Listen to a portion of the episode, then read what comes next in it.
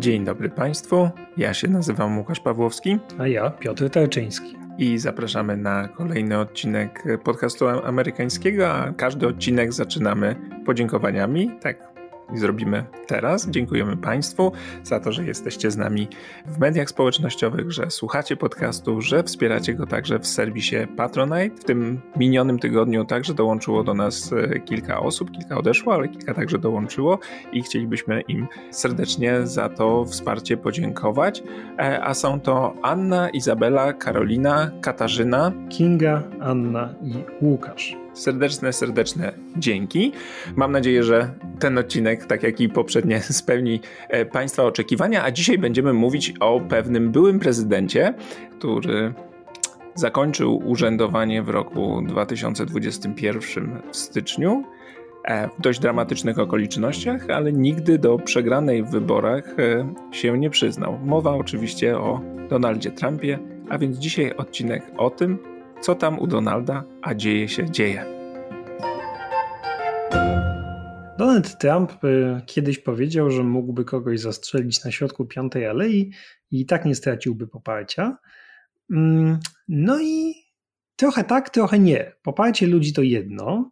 Zresztą porozmawiamy o tym y, pod koniec odcinka, ale problemy prawne to już jest inna inszość. I ostatnio rzeczywiście wokół Donalda robi się tak gęsto, to znaczy atmosfera gęstnieje, śledztwa różne trwają i wchodzą w nowe fazy i to się jakoś tak zbiegło i e, jak to napisał e, dziennik Guardian, pętla wokół Donalda Trumpa się powoli zaciska. No tak, bo, bo rzeczywiście ostatnimi czasy nie ma mm, dobrej pasy Donald Trump y, i trochę się na tym froncie mm, prawnym dzieje. To zacznijmy może od tego, co się dzieje w Nowym Jorku, bo tam e, Trump ma dwie poważne sprawy, jedną cywilną, jedną karną, ale obie dotyczą właściwie tych samych e, rzeczy, a mianowicie oszustw e, podatkowych, oszustw w związku z wyceną majątku Trumpa, co miało służyć na przykład uzyskiwaniu korzystniejszych warunków pożyczek i łatwiejszego, łatwiejszemu pozyskiwaniu mm, finansowania przez firmę Trumpa. I e, ostatnimi czasy prokurator generalna stanu Nowy Jork, Leticia James, e, złożyła wniosek o wezwanie na świadków, o wezwanie na przesłuchanie Donalda Trumpa, Donalda Trumpa juniora i Iwanki Trump, którzy do tej pory odmawiali współpracy. Leticia James przekopała się przez dokumenty księgowych e, Trump Organization, którą y, firma musiała, firma księgowa, która obsługuje firmę Trumpa, musiała wydać, chociaż oczywiście Trump próbował to zablokować. Y, no i przekopano się przez te dokumenty z lat 2004-2020 y, i okazało się, chociaż właściwie nie wiem, czy słowo okazało się jest tutaj właściwe, dlatego że to nie jest coś, o czym nikt nie wiedział. No ale Leticia James zwróciła uwagę i postanowiła zająć się tym wątkiem, że Trump Organization ma taki zwyczaj, przynajmniej miało, zawyżania wartości nieruchomości i majątku. Y, jednym z wątków jest na przykład kwestia dzierżawy zabytkowego gmachu Poczty Głównej w Waszyngtonie, mm-hmm. którą Trump przerobił na hotel. Y, to jeszcze było w czasach, kiedy on nie był prezydentem, oczywiście. No i we wniosku złożonym w 2012 do rządu federalnego, no bo właścicielem tego, tego zabytkowego gmachu był, był, było państwo, Trump znacznie zawyżył wartość swojej firmy, zataił różne długi, jako wartość podawał na przykład niezbudowane nieruchomości, których zresztą nigdy potem nie zbudował. Y, I wszystko to służyło temu, no, żeby lepiej wypaść w oczach kontrolerów i żeby to jemu przypadła dzierżawa. I faktycznie Trump czasach prezydentury Obamy, dodajmy, czyli człowieka, którego y, no, Trump nie darzył sympatią i z wzajemnością. Y, firma Trumpa uzyskała tę dzierżawę na bodajże 60 lat. Trump zbudował, przerobił pocztę na, na, na hotel, bardzo luksusowy oczywiście. Y, tylko, że to nie była aż tak dobra inwestycja, jak, jak zakładano, co znowu nie jest jakimś szczególnym zaskoczeniem, dlatego że Trump y, może twierdzić, że jest mistrzem robienia interesów i że zna się na hotelarstwie jak mało kto, ale hotele Trumpa bankrutowały już y, sześć razy, co najmniej. W 1991, 1992, 2004 i 2009. Sześć razy, bo niektóre w ciągu, chyba w 1992 to było kilkakrotnie. I to jest niesamowite, że ten człowiek ciągle dostaje kasę na nowe inwestycje. No ale czemu dostaje kasę na nowe inwestycje? No właśnie między innymi dlatego, że jest w stanie y, tworzyć jakąś iluzję, że ma więcej pieniędzy niż ma naprawdę, że jest właścicielem większej firmy niż, y, niż, niż ona jest y, naprawdę. I, no i tak to się kręci. Ja nie wiem, czy w, w tych bankructwach, które wymieniłeś, czy są tam kasyna Donalda Trumpa, czy tylko hotele. No kasyna i hotele to przeważnie jest razem. No tak, ludzie mogą zatrzymać się na górze, grać, e, grać na dole. Ja kiedyś pojechałem do Atlantic City oglądać słynne kasyna Donalda Trumpa. W szczytowym okresie miał tam e, trzy.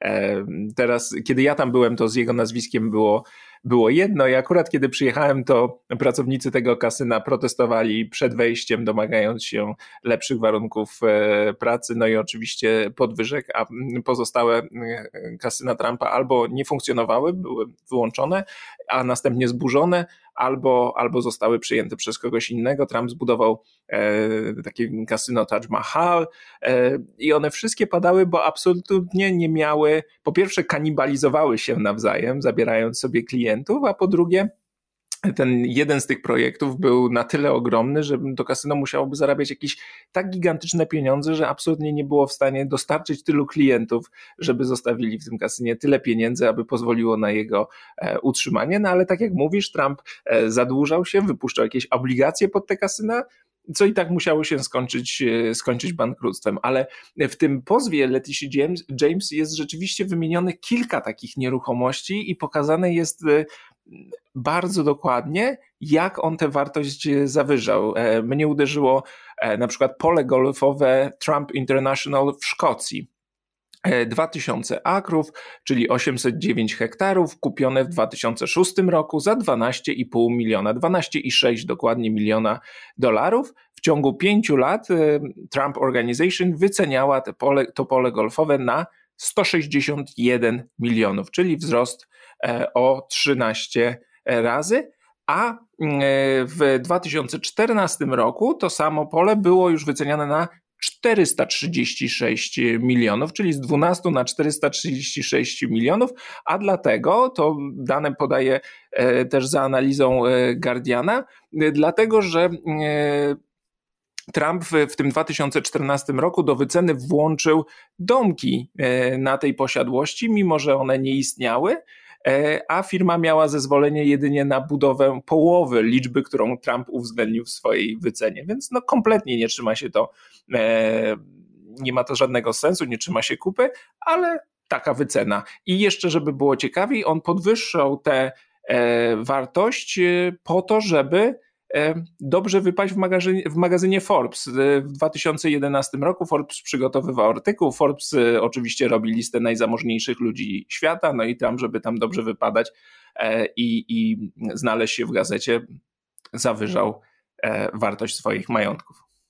No to też jest coś, co jest typowe dla całej kariery Trumpa. Na Netflixie jest taki dokument kilkoczęściowy Trump An American Dream, jeśli Państwo nie widzieli, to polecam. On pokazuje między innymi to, że Donald Trump stworzył markę Donald Trump jako najsłynniejszy milioner Ameryki i on całe życie tak naprawdę grał bardzo bogatego człowieka. Jego historia biznesowa to jest historia kolejnych bankructw, kolejnych wtop. I przede wszystkim jest dzieckiem zamożnego człowieka, który zostawił mu fortunę. Ale Trump robi interesy, przynajmniej robił interesy na tym, że był w stanie stworzyć wokół siebie aurę kogoś niezwykle bogatego, mimo że we wszystkich rankingach Forbesa i innych on nigdy nie mieścił się w czołówce najbogatszych Amerykanów i w ogóle daleko mu było do jakiejkolwiek czołówki, ale pewnie jakby zapytać w latach 80. czy 90. Y, przeciętnego Amerykanina, to dałby sobie ten człowiek rękę uciąć, że Trump jest na pewno w pierwszej dziesiątce najbogatszych Amerykanów, ponieważ taką tworzył wokół siebie atmosferę. No w tym oczywiście pomagały mu takie rzeczy, jak mówisz, to znaczy zawyżanie swojego majątku, twierdzenie, że wszystko jest największe, najwspanialsze i tak dalej. To, co jest najbardziej uderzające, ale też jakoś tam najzabawniejsze, to jest to, że facet zawyżał metraż swojego apartamentu przy piątej alei w, w Trump Tower y, trzykrotnie. Na tym samym trzykrotnie zawyżał jego wartość. I tak jest duży apartament. Brzydki oczywiście, jak Państwo na pewno widzieli, ociekający złotem, taki no, gust rosyjskiego milionera, ale y, nie jest aż tak duży, jak twierdził Trump na potrzeby Forbesa i, i w ogóle mediów. Trump, e, Piotr oczywiście zazdrości, bo Trump mówił o tym swoim apartamencie, że to jest Wersal w niebiosach, Versailles in the sky. I wyceniał go na 327 milionów dolarów w 2015 roku, e, mówiąc, że ma 30 tysięcy stóp kwadratowych, czyli to jest prawie 2800 e, metrów kwadratowych, w rzeczywistości ma 11 tysięcy stóp kwadratowych, czyli mniej więcej 1000 metrów kwadratowych, no i tym samym przy tej samej wycenie z metra byłby wart 117 milionów, a nie 327 milionów dolarów. Nie wiem, jaki to jest WSL, bo w WSL-u nie można podnieść ręki i dotknąć sufitu, a y, ja mam wyżej po prostu tutaj w mieszkaniu w starej kamienicy niż Donald Trump ma tam w swoim apartamencie, więc y, nie, nie zazdroszczę. No, powiedzmy, że ci wierzymy. E, wy, wyceny jeszcze, które, które zwróciła uwagę Leticia James, dotyczyły na przykład jego posiadłości także w stanie Nowy Jork i tutaj też wzrost wartości z 7,5 miliona dolarów w 1995 roku do 291 milionów w 2014 e, roku, z czego, twierdzi prokurator, 161 milionów dolarów to była wartość siedmiu nieistniejących rezydencji. Więc włącza, tak jak wspomniałeś, potrafi włączyć projekt albo pomysł na, jakieś, na jakąś budowę do wyceny swojego majątku, jeżeli oczywiście jest mu to konieczne, bo kiedy przychodzi do płacenia podatków, to Trump wykazuje się stratami, brakiem zysków e, i dzięki temu podatki potrafi płacić niewielkie. Zresztą jakie płaci, to do końca wciąż nie wiemy. Ale powiedzieliśmy, że to jest postępowanie cywilne, a jest jeszcze postępowanie karne, także w, w, w Nowym Jorku, a dokładnie prowadzone przez prokuratora okręgowego na Manhattanie.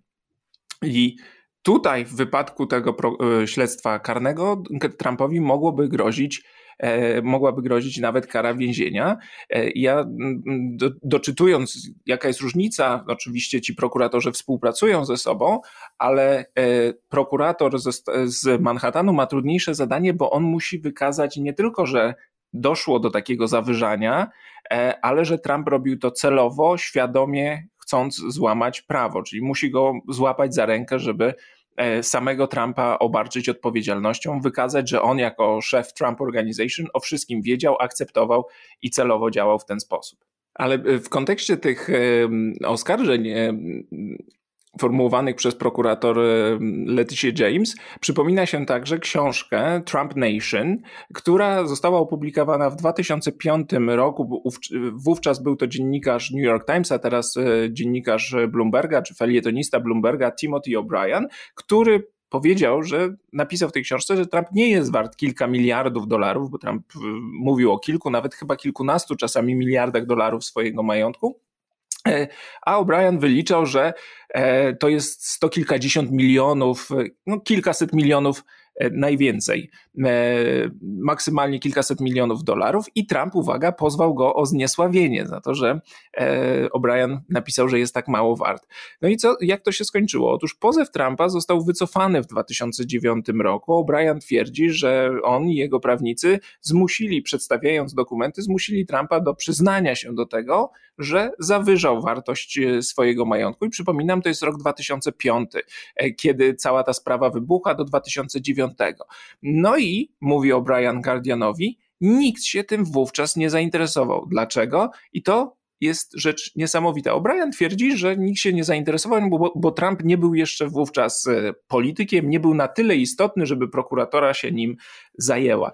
I to się po prostu nie mieści w głowie. To znaczy, masz jasne dowody oszustw e, podatkowych, podejrzaną karierę, bo to, są, to jest rok 2005, więc już po tych wszystkich bankructwach, na przykład kasyn Trumpa, o których wspominał e, Piotr, i, i nic się nie dzieje. Y, nikt nie jest zainteresowany, nikt tego nie rusza. Ja kiedyś napisałem taki tekst mm, jeszcze w kulturze liberalnej, że e, najbardziej uderzające w karierze Trumpa jest nawet nie to, że on został prezydentem, chociaż to był oczywiście wielki szok i ja sam byłem tym zaskoczony, ale to, że przez kilkadziesiąt lat swojej kariery bardzo podejrzanej z oskarżeniami o rasizm, o dyskryminację, o oszustwa podatkowe, o oszustwa swoich e, pracowników czy firm, które zatrudniał, nikt się nie zajął Trumpem do tego stopnia, żeby Trump poszedł siedzieć, czy rzeczywiście naprawdę poniósł jakieś poważne konsekwencje swojej, e, swoich biznesów. No tak, no ale to jakby odpowiedź nie jest bardzo trudna. No to są po prostu umocowania. Trump całe swoje życie wspierał to jedną, to drugą partię, a przeważnie obie. E, był umocowany politycznie, był umocowany też kulturowo, był celebrytą no i rządził się po prostu innymi prawami. To nie jest e, nic nowego, że kiedy jesteś e, bogaty i znany, to różne rzeczy uchodzą ci na sucho, które nie uszłyby no, zwykłym ludziom. Okej, okay, ale to mówisz to trochę tak, jakby, jakby to była norma. Jednak wiesz, e, o Stanach Zjednoczonych, szczególnie teraz w Polsce, mówi się często jako takim wzór demokracji, że owszem, zdarzył im się Trump, ale przecież mechanizmy działają, są wolne media, które kontrolują władzę, jest niezależna, e, są niezależni sędziowie, którzy mogą zablokować jakieś na przykład e, rozporządzenie wykonawcze Trumpa i często pokazuje się te Stany Zjednoczone jako taką bardzo dobrze działającą demokrację. My w naszym podcaście staramy staramy się Państwu pokazać, że to jest e, w dużej mierze mit. I, i, i, i to po prostu tak nie działa, ale jednak ta kariera Trumpa i fakt, wiesz, nawet fakt, że nikt mam wrażenie, tego rodzaju wniosków nie wyciąga. To znaczy, ciągle jest mowa o tym, do kogo Trump komu Trump, jakiego, jakiemu typowi wyborców Trump się podoba, do kogo trafia, dlaczego ludzie na niego głosują, ale mało kto zadaje pytanie, jak facet, który powinien siedzieć od co najmniej kilkudziesięciu lat, to znaczy kilkadziesiąt lat temu już powinien dostać wyroki, nadal funkcjonuje i nie ma, i nadal udaje mu się uciekać przed wymiarem sprawiedliwości. I nikt nie zadaje sobie pytania, czy aby na pewno nasz system działa. Nie system tylko polityczny w sensie organizacji wyborów, o czym mówiliśmy, tylko taki system prawny, e, pozwalający ścigać, tak jak wspomniałeś, e, celebrytów, milionerów. Czy to naprawdę dobrze funkcjonuje? Mam wrażenie, że mm, te, tego pytania i tej odpowiedzi sobie Amerykanie nie udzielają. No to co, to możemy chyba przejść do kolejnych kłopotów Donalda Trumpa. Tak, no bo większość kłopotów Trumpa dotyczy jednak wyborów 2020 roku. I w tej sprawie toczy się drugie śledztwo karne w Georgii mianowicie. Prokuratura Okręgowa Atlanty, y, hrabstwa, w którym mieści się Atlanta, stolica Georgii, prowadzi śledztwo i rozważa postawienie y, zarzutów. Na razie rzeczywiście tylko rozważa postawienie zarzutów. Y, sprawa dotyczy mianowicie podważenia wyniku wyborów prezydenckich w tym stanie. Mówiliśmy Państwu o tym już y, nieraz. To jest ta słynna rozmowa z y, sekretarzem stanu Georgii, Raffensbergerem, z 2 stycznia 2021 roku, gdzie Trump, co jest nagrane, każe mu znaleźć 12 tysięcy głosów. 11 780. Dziękuję, właśnie tak. Y, I jest to nagrane. Wszyscyśmy to słyszeli, było to y, publikowane w, w różnych mediach. Wydaje się, że sprawa jest zupełnie jednoznaczna. Y, I prawo Georgii jest dość jednoznaczne, to znaczy y, namawianie, domaganie się, zlecanie przestępczego oszustwa wyborczego jest przestępstwem. Prawo zakazuje cytuję, mataczenia głosami, maszynami wyborczymi, spisami wyborców i tak.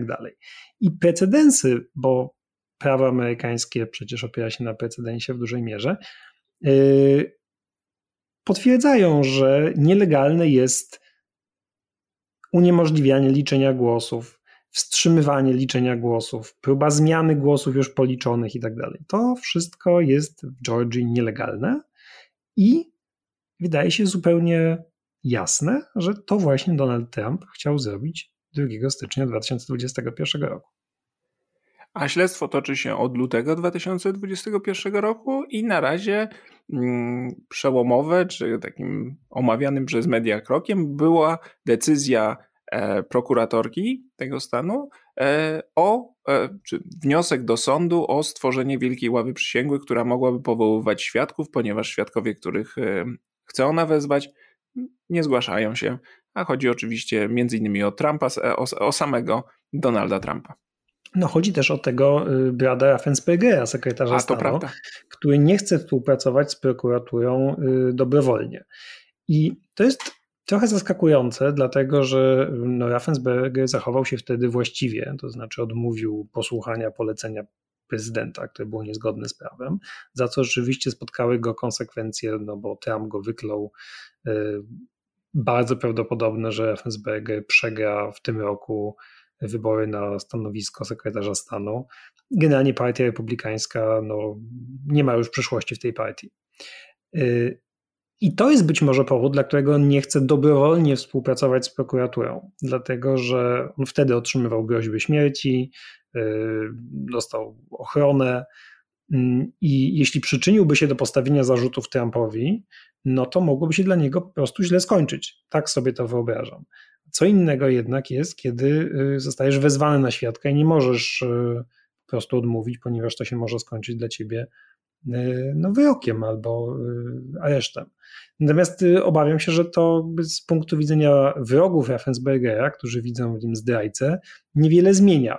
No ale tak wydaje mi się, tym się może sekretarz stanu Georgii kierować. Tylko wiesz, znowu wracamy do tego pytania, co tu jest, co tu jest do dodania? To znaczy, mm, jeżeli szukać dowodu przestępstwa, to trudno mi sobie wyobrazić jakiś lepszy. To znaczy, masz nagranie, masz potwierdzenie tego, masz wywiady Raffenspergera wcześniejsze w mediach e, i informacje o tym, że to był Donald Trump, że to prezydent dzwonił, mamy nagranie tego, jak domaga się znalezienia tych głosów i wiemy po co chce je znaleźć, po to, żeby odwrócić wynik w tym stanie. Te 11 780 to jest właśnie tyle, ile potrzeba mu, żeby wygrać z Joe Bidenem. Dlaczego to śledztwo wciąż się toczy i dlaczego nie ma w nim jakichś spektakularnych postępów? E, ja też tego nie, nie rozumiem. No ale jak widać, jeżeli się jest bogatym, a dodatkowo jeżeli jeszcze jest się byłym prezydentem, to chociaż immunitet cię nie obowiązuje już po e, zakończeniu urzędowania, to najwyraźniej mm, może to trwać bardzo, bardzo długo. Byłych prezydentów nie obowiązuje też y, przywilej wykonawczy, to znaczy taki przepis, który pozwala urzędującym prezydentom y, zachować tajność niektórych dokumentów.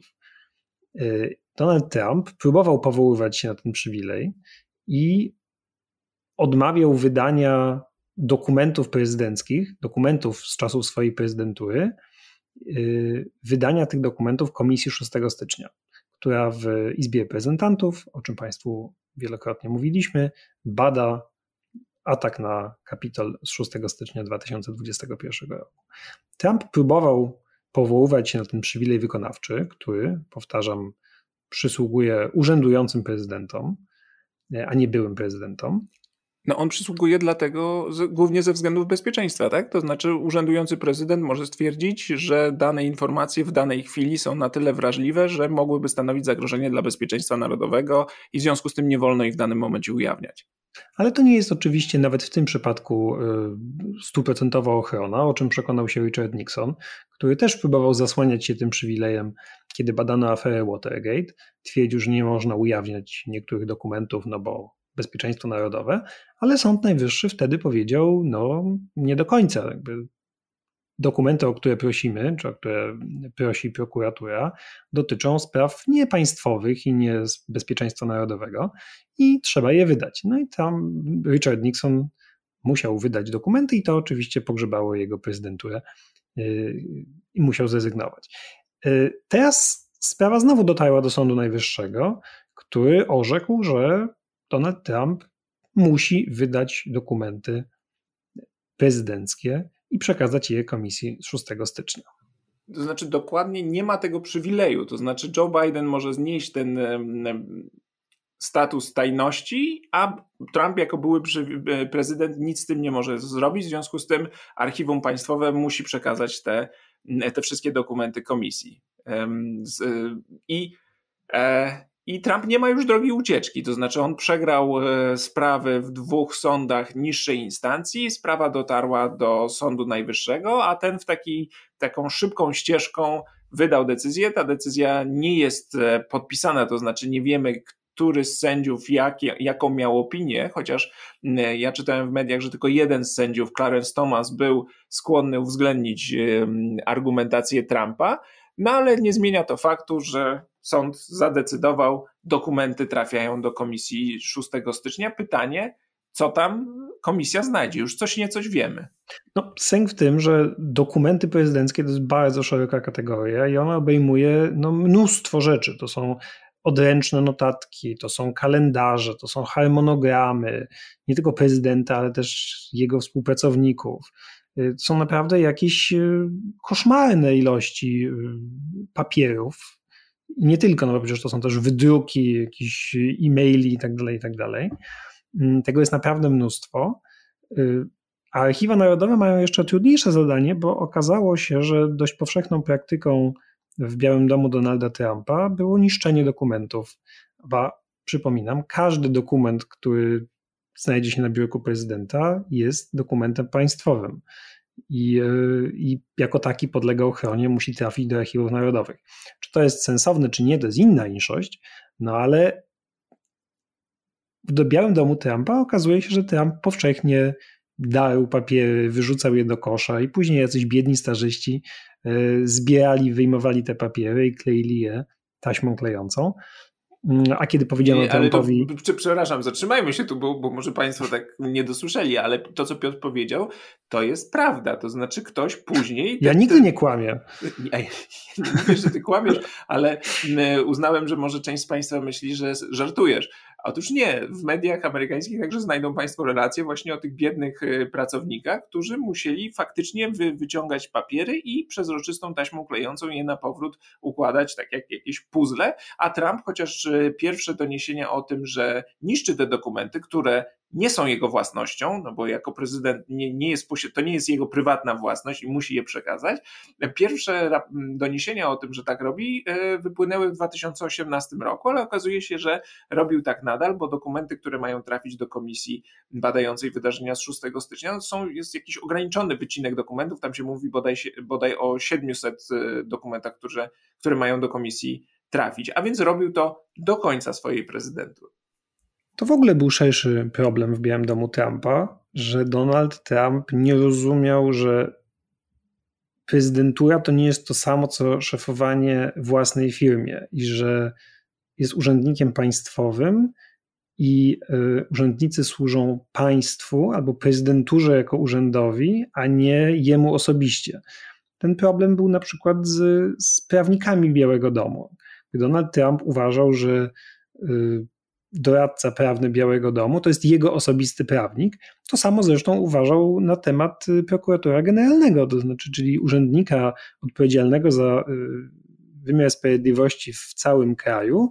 Donald Trump traktował jak swojego osobistego prawnika, który powinien y, działać na korzyść Donalda Trumpa. No stąd problemy z, z, jego pierwszym prokuratorem generalnym, Jeffem Sessionsem i później kolejnym, Williamem Barrem, którzy no, wiedzieli o prawie trochę więcej i wiedzieli, że ich rola jest inna niż to się wydaje Trumpowi.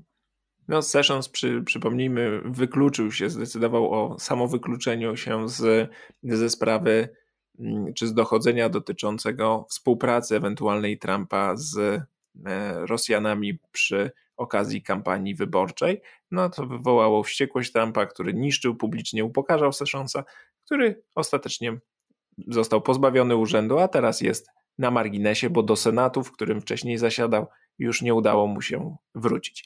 E, ale to nawiasem mówiąc, e, no to powiedzmy, co jest w tych dokumentach, które już mogą trafić do e, komisji, bo tam są zupełnie surrealistyczne pomysły, dokumenty, a mianowicie pomysł na to, żeby Trump wydał edykt wykonawczy, rozporządzenie wykonawcze nakazujące e, skonfiskować maszyny do głosowania i jednocześnie ustanowić e, takiego specjalnego prokuratora czy śledczego, który zbadałby, czy nie doszło do jakichś naruszeń i czy te maszyny, aby na pewno były nie zostały w jakiś sposób schakowane i, i w związku z tym wynik wyborów nie został wypaczony.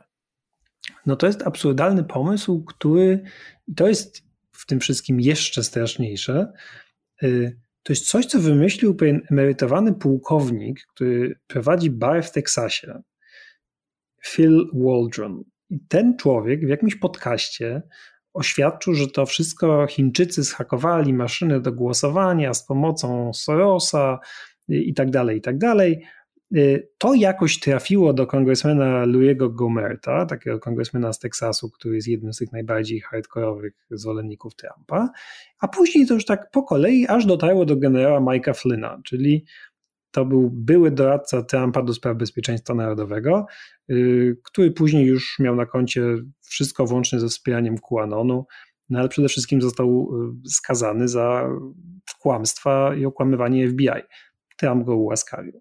No i ta oto drużyna A y, zdołała dotrzeć do ucha Donalda Trumpa i przekonać go, że rzeczywiście maszyny do głosowania firmy Dominion Voting Systems zostały zhakowane, znajdują się pod chińską kontrolą i trzeba to koniecznie zbadać i dlatego właśnie Joe Biden wygrał.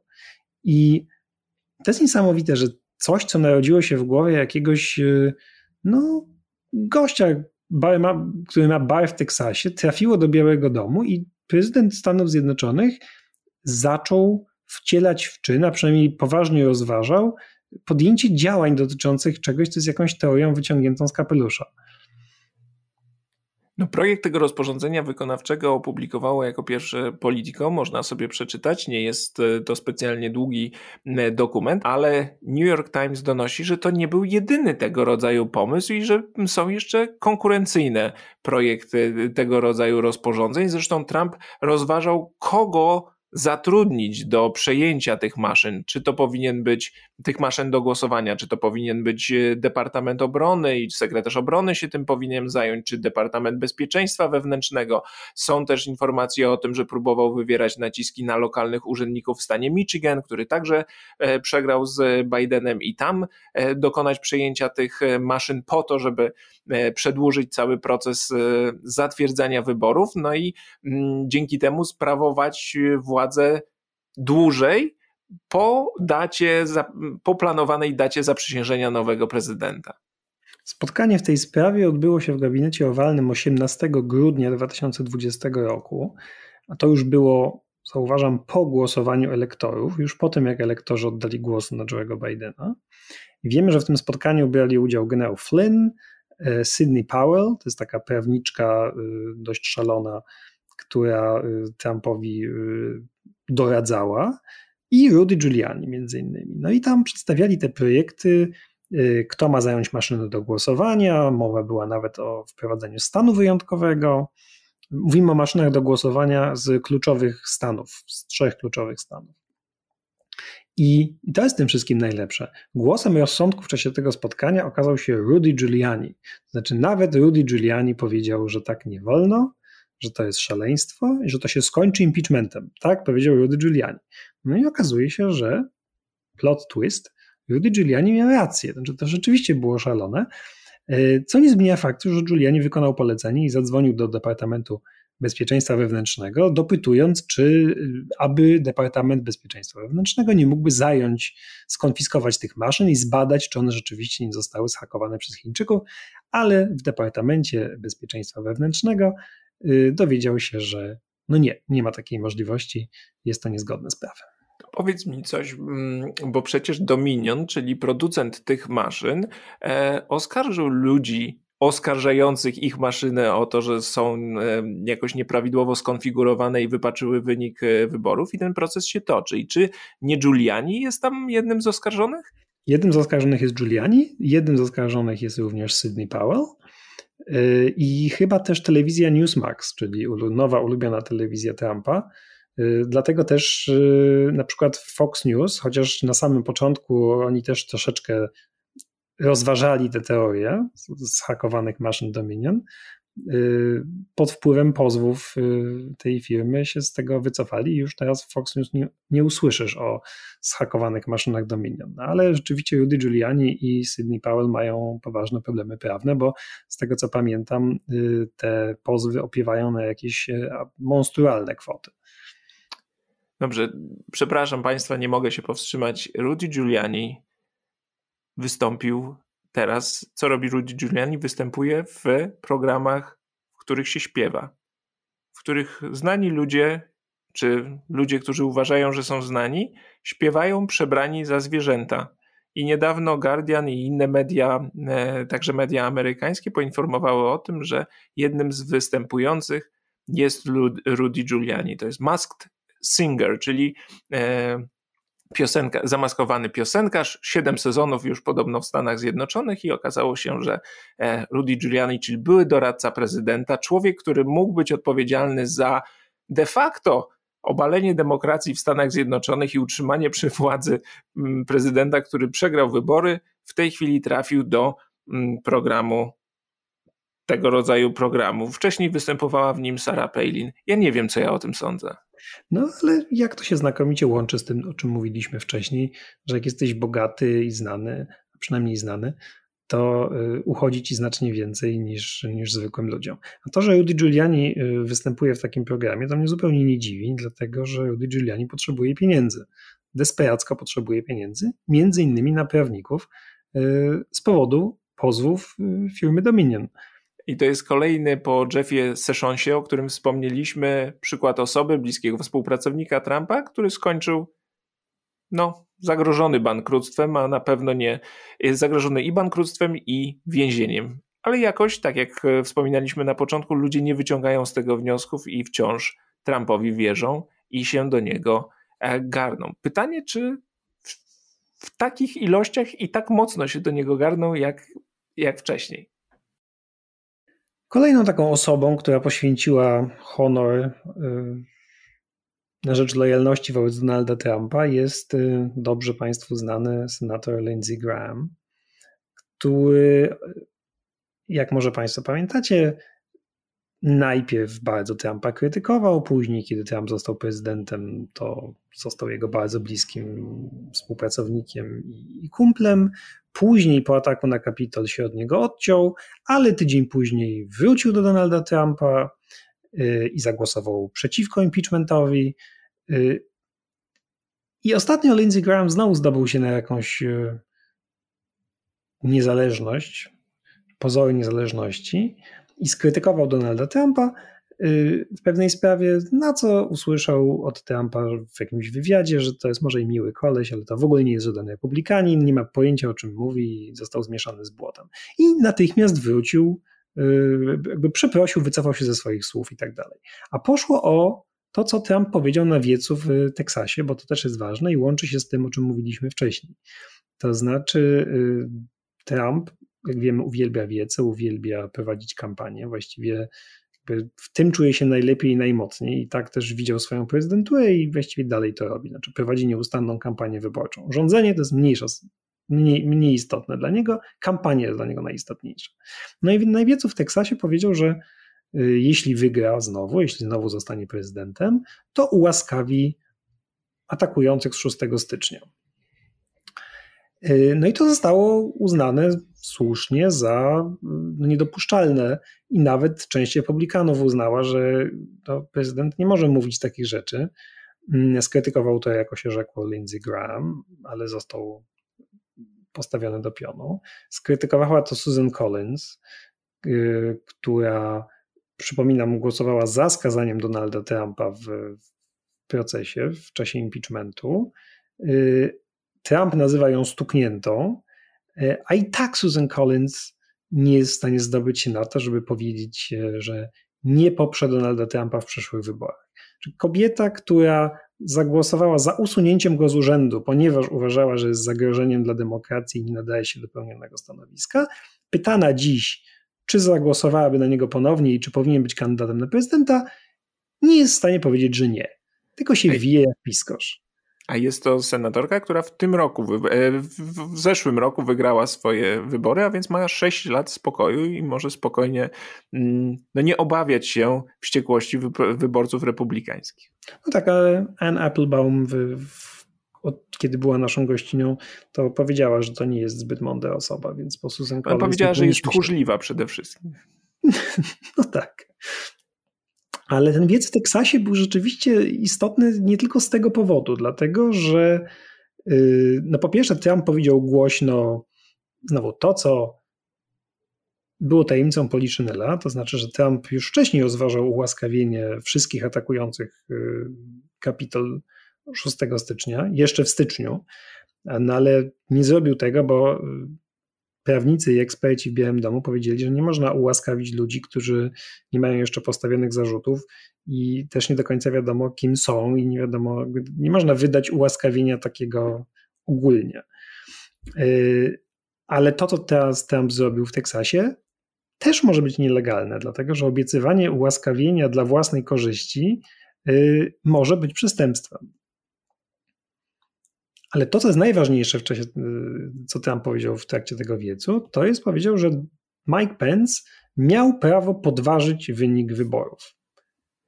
Tak, e, my Państwu mówiliśmy w którymś z ostatnich odcinków, że e, w kongresie jest pomysł na reformę e, takiego, takiej starej ustawy Electoral Count Act, która miałaby wyeliminować takie niejednoznaczności, między innymi niejednoznaczność dotyczącą roli wiceprezydenta w procesie liczenia głosów. Przypominamy, Trump uważał i jego jego e, współpracownicy uważali, że Pence ma prawo nie zatwierdzić e, jakichś głosów z wybranych stanów. No, dominująca interpretacja mówi, że wiceprezydent po prostu przewodniczy całemu posiedzeniu, jedynie odczytuje te wyniki wyborów. Nie ma oczywiście prawa decydować, które są ważne, a które nie, bo w takim wypadku to sam wiceprezydent, w tym wypadku także ubiegający się o kolejną kadencję, mógłby decydować o tym, czy wybory, e, które głosy e, uznać, a które nie. No byłoby to absurdalne. Ale treść ustawy jest e, niejednoznaczna, dlatego, co ciekawe, panuje nawet ponadpartyjna zgoda, żeby ją doprecyzować. Mówiliśmy o tym, że republikanie może robią to po to, żeby demokraci nie wprowadzili innych, bardziej gruntownych zmian w prawie wyborczym, ale jest zgoda. Trump oczywiście jest przeciwny wszelkim zmianom, krytykuje tych republikanów, którzy chcą e, w tej sprawie z demokratami współpracować i, tak jak stwierdził Piotr, powiedział, że e, Pence nie tylko miał prawo e, nie zatwierdzić niektórych głosów, ale że to jego należałoby teraz postawić w stan oskarżenia za to, że tego nie zrobił. Tak, no ale sam fakt, że użył określenia, że Pence miał prawo podważyć wynik wyborów, y, to jest, jak zwracają uwagę komentatorzy, y, może lapsus, ale wiele mówiące. To znaczy, Trump de facto przyznał, że wybory wygrał Joe Biden, y, ale ten wynik należałoby podważyć, należałoby go odwrócić tak, aby wygrał Donald Trump. Powiedział głośno to, czego głośno nie należało mówić. Y, I chyba co więcej zdał sobie z tego sprawę, dlatego że potem nastąpił damage control i y, nie wiem, nie pamiętam już, czy to sam Trump, czy jego ludzie zaczęli doprecyzowywać, że to tak naprawdę chodziło tylko o to, żeby Mike Pence odesłał głosy do ponownego oszacowania, co nawiasem mówiąc też y, byłoby nielegalne, no ale brzmi znacznie lepiej. Znaczy, prezydentowi nie chodziło o to, co powiedział, chodziło mu o coś innego. Rozumiem. Ale to nie jest jedyna rzecz, którą się może zajmować i która trafia na talerze tej komisji do spraw 6 stycznia, no bo są też przesłuchania. E, przewodniczący komisji wezwał niedawno na świadka Iwankę Trump, bo wiemy, mm, znaczy nie mamy pewności, ale słyszymy o tym, że Iwanka Trump była jedną z tych osób, które namawiały Trumpa bezpośrednio do tego, żeby interweniował 6 stycznia, żeby przerwał to, co się wówczas e, działo i, i nakazał tym ludziom pójście do domu. Trump e, tego nie chciał zrobić wcześniej z danych, dokumentów i SMS-ów przekazanych przez byłego szefa sztabu Trumpa. Wiemy o tym, że e, takie same opinie mieli m.in. Donald e, Trump Jr., czy gwiazdy Fox News, Sean Hannity, czy Laura Ingraham, które, którzy również SMS-owali do szefa sztabu prezydenta, prosili, żeby e, prezydent wystąpił, żeby wygłosił orędzie, żeby apelował do tych ludzi, aby poszli do domu.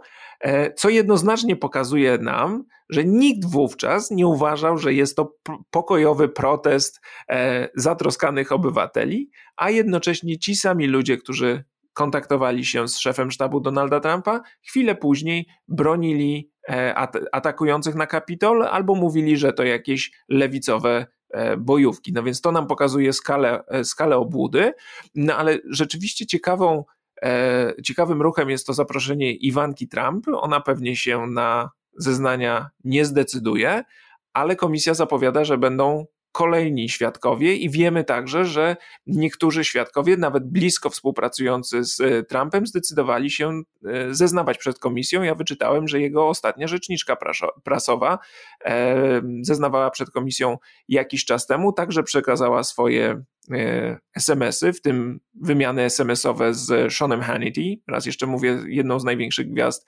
Fox News i takim nieformalnym doradcą prezydenta, który w panice pisał, że należy przestać mówić o skradzionych wyborach, że to grozi impeachmentem, e, a nawet skorzystaniem z 25 poprawki do konstytucji e, mówiącej o usunięciu prezydenta, kiedy ten nie jest w stanie wykonywać swoim, swoich obowiązków. I rzeczniczka Trumpa, Kayleigh McEnany, twierdziła, że absolutnie się z Hannitym zgadza, że próbuje mm, z tym przekazem dotrzeć do Trumpa, no ale i na tym się wymiana e, skończyła. To pokazuje, to jest kolejny dowód pokazujący, jak ci ludzie w czasie ataku na Kapital reagowali i jak te wydarzenia oceniali. I przez to, przez pryzmat tych e, dokumentów i tych wymian należy oceniać to, co robili później, kiedy e, zobaczyli, że jednak obrona ataku na Kapitol zaczyna im się politycznie opłacać. Najciekawszym świadkiem oczywiście będzie, jeśli zostanie powołany, a myślę, że zostanie wezwany, Mike Pence, y, który. Y, bo, bo widać taką prawidłowość, y, że ludzie od Mike'a Pence'a współpracują z komisją znacznie chętniej niż ludzie od Donalda Trumpa. No to akurat Kelly McEnany jest wyjątkiem, ale kluczowe informacje, które na razie mamy, pochodzą od doradców Pence'a, na przykład jego doradcy do spraw bezpieczeństwa narodowego, Keitha Kelloga, który jakby mówił o tym, co działo się w Białym Domu 6 y, stycznia rano. Mówił, że był na przykład świadkiem telefonu Trumpa do Pensa, gdzie y, Trump naciskał na Pensa, żeby odwrócił wynik wyborów. Y, dokumenty, które są przekazywane komisji, to też znacznie chętniej je przekazują ludzie Pensa niż, niż, ludzie, niż ludzie Trumpa. No a sam Trump, jak powiedział Łukasz, próbuje jakoś odwracać kota ogonem i przerzucać winę na Mike'a Pence'a, tylko to wszystko się nie trzyma kupy, bo równocześnie Trump twierdzi, że nic się takiego nie wydarzyło i to wszystko był pokojowy protest, a równocześnie jeśli coś było nie tak, to raczej należy ścigać Mike'a Pence'a, nikogo innego. Więc y, jestem bardzo ciekaw, jak zachowa się Mike Pence y, w takiej sytuacji, jeśli zostanie wezwany na, na świadka. A te przesłuchania mają być e, na wiosnę transmitowane. E, członkowie komisji zapowiadają, że to będzie duże wydarzenie polityczne. No poczekamy, zobaczymy. Ja z, z drugiej strony tonowałbym też trochę nastroje, bo to nie jest już pierwszy raz, kiedy mówimy o tym, że Trump jest w poważnych kłopotach i oczywiście może popełniał przestępstwa, może go spotkać za to kara, a później e, nie działo się nic albo, albo niewiele. No, dość przypomnieć śledztwo prokuratora Millera w sprawie współpracy Trumpa z Rosjanami podczas kampanii.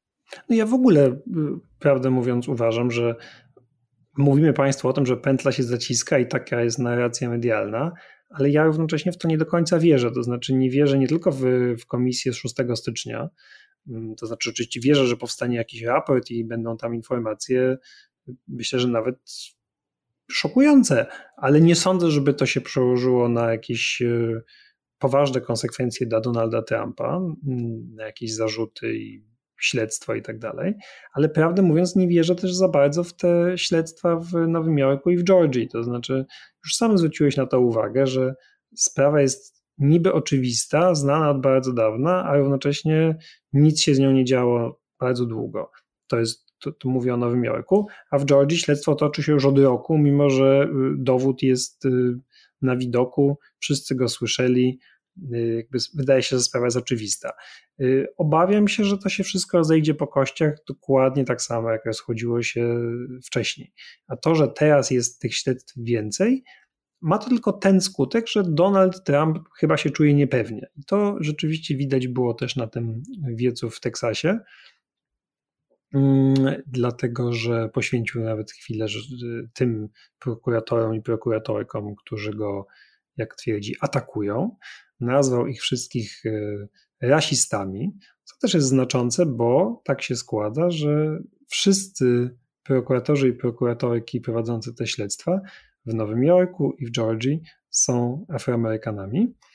E, ale to nie przeszkadza Trumpowi nazywać ich rasistami. Tak jakby tutaj było jakieś rasistowskie podłoże, że, że badają jego interesy albo badają jego y, naciski na sekretarza stanu Georgii albo w ogóle próbę przeprowadzenia zamachu stanu. Y, I zapowiedział, że jeśli zostaną mu postawione zarzuty, no to spodziewa się, że jego zwolennicy staną na wysokości zadania i urządzą największe protesty, jakie widział ten kraj, będą protestować w Georgii, w Nowym Jorku i w Waszyngtonie itd., tak itd. Tak Co pokazywałoby, że Donald Trump nie czuje się zbyt pewnie, e, że tak prawniczo, natomiast czuje się pewnie politycznie i uważa, że e, groźba przemocy, mniej lub bardziej zawoalowana, to może być coś, co e, skłoni wymiar sprawiedliwości do no, odpuszczenia mu, ponieważ konsekwencje skazania Trumpa, czy nawet postawienia mu zarzutów, y, czy nawet jego dzieciom, mogą być y, straszliwe. No i pytanie, czy ma podstawy do tego, żeby się mocno czuć y, politycznie? Mm, on jeszcze w tym wystąpieniu mówił gorzej, że nie, nie, tylko są rasistami, ale że są chorzy na umyśle, że są podli i co ważne, to Trump E, robi regularnie i zresztą państwo mieszkający w Polsce domyślą się, że nie tylko Trump mówi, oni nie atakują mnie, oni atakują was. Oni ścigają was. To nie chodzi o mnie, ja jestem tylko waszym reprezentantem, a tak naprawdę chodzi o was, o moich zwolenników i to was chcą dopaść, więc broniąc mnie, Trumpa, bronicie tak naprawdę siebie. No i mm, Pytanie tylko, czy Trump rzeczywiście tą bazę zwolenników nadal ma taką mocną. My od dawna powtarzamy, że ten uścisk, jakim e, Trump chwycił partię republikańską, jest e, mocny i podporządkował sobie tę partię całkowicie, ale są, pojawiają się nowe badania pokazujące, że być może te wpływy Trumpa nieco maleją. Jeden ciekawy sondaż dla stacji NBC, przeprowadzony w, pod koniec stycznia, w którym e, zapytano ludzi, czy bardziej czują się zwolennikami partii republikańskiej, czy bardziej zwolennikami Donalda Trumpa i w tym sondażu 56% ankietowanych republikanów stwierdziło, że bardziej czują się e, związani z partią niż z Trumpem. E, tej drugiej odpowiedzi udzieliło 36%. I to jest pierwszy raz od dawna, kiedy ta liczba zwolenników, e, czy liczba ludzi czujących się bliżej związana z partią, przewyższa liczbę ludzi czujących się, czujących związek przede wszystkim z Trumpem. Tak, są też sondaże, to dla Associated Press, które pokazują, że nawet wśród ludzi, którzy na Trumpa głosowali, którzy czują się związani z partią republikańską, y, rośnie liczba ludzi, odsetek ludzi, którzy nie chcą, by Trump kandydował na kolejną kadencję. Wciąż jest ich bardzo dużo i wciąż jest ich większość, ale to już nie jest aż taka dominacja, jaka była jeszcze kilka miesięcy temu. Czy to się utrzyma? Nie wiadomo oczywiście, ale widać pewną nerwowość u Trumpa, który Y, atakuje ludzi, którzy mogliby zastąpić go w roli lidera tej nowej, zreformowanej y, trumpistowskiej partii republikańskiej, jak na przykład Rona DeSantisa, y, gubernatora Florydy, który jest takim oczywistym kandydatem, no bo we wszystkich sondażach bo jest zawsze numerem dwa, to znaczy jak pytacie republikanów, kogo byście chcieli jako kandydata, to w 2024, to większość mówi, że Donalda Trumpa, ale na drugim miejscu, dużo, dużo, dużo dalej jest Ron DeSantis. Tylko, że jeszcze niedawno Trump wyprzedzał DeSantisa o 40% w takich sondażach, a w 40 punktów procentowych. Przepraszam, tak, a teraz wyprzedza o 25 punktów procentowych. No to jest zasadnicza zmiana. Tak, i są jeszcze ciekawe tarcia na linii Trump i jego baza, bo nie tak dawno Trump został przez swoich zwolenników wybuczany. E, to było podczas takiej rozmowy z byłym prezenterem e, Fox News Billem O'Reilly, w którym e, jakoś w rozmowie padło pytanie, czy Trump jest zaszczepiony. I Trump odpowiedział, że owszem, jest zaszczepiony i to nawet trzema dawkami. Zapytał prowadzącego rozmowę, czy on także. I kiedy się okazało, że obaj są zaszczepieni trzecim, trzema dawkami, no to część publiczności zaczęła buczeć. No i tu Trump jest w takiej ciekawej pozycji, no bo wśród jego zwolenników jest oczywiście wielu antyszczepionkowców y, i Trump bardzo się pilnuje, żeby nie popierać żadnego rodzaju ogólno-odgórnych, państwowych czy stanowych nakazów, na przykład noszenia maseczek, czy tym bardziej nakazów e, szczepień, jest temu przeciwny, ale z drugiej strony chciałby, żeby doceniono jego administracji, jego samego, za to, że szczepionki pojawiły się na rynku tak szybko. Zresztą on sam twierdzi, że to on nawet formuje to mniej więcej w takich słowach, że to on wymyślił trzy szczepionki i że wszystkie są bardzo dobre. E, no więc e, jak z jednej strony E, zyskać na tym, że szczepionki pojawiły się tak szybko, a z drugiej strony nie stracić tych antyszczepionkowych e, wyborców. To jest e, problematyczne. I z jednej strony wciąż ma tę bazę bardzo, bardzo wielnych zwolenników. Na tym występie w Teksasie, o którym wspomnieliśmy, to było znowu kilkadziesiąt tysięcy ludzi, a media donosiły, że niektórzy przyjechali tam nawet kilka dni wcześniej, po to tylko, żeby zająć jak najlepsze miejsca przy, przy scenie. Ale pojawiają się informacje, że być może ta baza się kurczy, że tych ludzi jest mniej, ale oni mogą być równie radykalni jak byli, a nawet bardziej. E, z tym, że nie będą tak, e, tak liczni jak, e, jak poprzednio. I są też inne tarcia na linii Trump i część partii republikańskiej. Otóż wspominaliśmy Państwu, że Trump e, popiera kandydatów e, w różnego rodzaju lokalnych wyścigach, nie tylko kandydatów do kongresu, ale nawet kandydatów na tych lokalnych urzędników odpowiadających za organizację wyborów, co jest już samo w sobie niebezpieczne, ale jednocześnie rodzi też tarcia z częścią partii republikańskiej, bo niekiedy zdarza mu się poprzeć kogoś, kogo e, ta baza nie nie, nie akceptuje. I tak było w przypadku jednej, kandydat, jednej z kandydatek na kongresmenkę w, w stanie Tennessee, e, której natychmiast zarzucono to, że przyjaźniła się z Ruth Bader Ginsburg, e, że pracowała w kampanii Jeba Busha, a w związku z tym Trump nie może jej poprzeć, mimo to tak zrobił. No, pytanie tylko, czy, czy tego rodzaju tarcia przełożą się na coś e, poważniejszego. Moim zdaniem tą ostateczną weryfikacją potęgi Trumpa będą wybory w, w listopadzie i wtedy zobaczymy, czy jego kandydaci wygrają. Ja bym powiedział, że weryfikacją tak naprawdę bardziej będą prawybory, wybory w czerwcu, tak. maju, czerwcu, kiedy się okaże, czy to popierani przez Trumpa kandydaci, zwyciężyli, czy ci popierani raczej przez partyjny establishment. I oczywiście są takie wyścigi, które są y, z góry wynik jest znany, to znaczy Liz Cheney, czyli czołowy wróg Donalda Trumpa, y, prawie na pewno przegra u siebie w Wyoming, mimo że na jej kampanię wpłacają Mitch McConnell, George W. Bush, no i cała partyjna wierchuszka. I tutaj to nic nie pomoże Tutaj rzeczywiście wygra kandydatka Donalda Trumpa, ale jest szereg innych wyścigów, w których ten e, wynik wcale nie jest jeszcze pewny i rzeczywiście dowiemy się, które skrzydło partii republikańskiej ma większość. To znaczy, inaczej, większość na pewno ma Donald Trump. Pytanie, jak duża jest skala jego przewagi e, i jak mocno trzyma w garści partii republikańską. A na dziś to wszystko. Bardzo serdecznie dziękujemy, że byli Państwo z nami i zapraszamy za tydzień. Do usłyszenia. Do usłyszenia.